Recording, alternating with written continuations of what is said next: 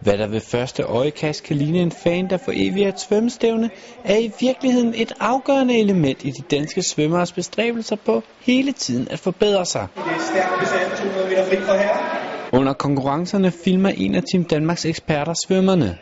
Bagefter analyseres løbet ved hjælp af en særlig software. Alt sammen er jo forholdsvis nyt. Det er ikke mange år, vi har gjort det, men øh, jeg synes, det er, det er en lille ekstra ting, som øh, hjælper meget.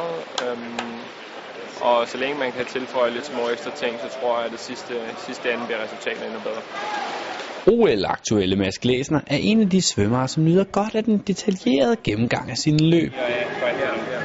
Jeg synes, den visuelle del, altså hvor jeg ser løbet, får jeg rigtig meget ud af. Øh, se, hvordan det ser ud, fordi nogle gange, hvordan det føles i vandet, er ikke altid sådan, som det ser ud på land.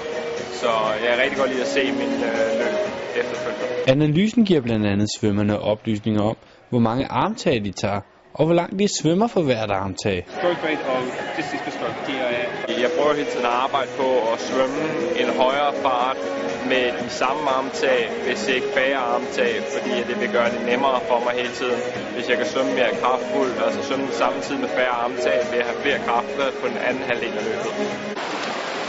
Og de ekstra kræfter kan i bedste fald give Mads Glæsner et topresultat ved sommerens OL.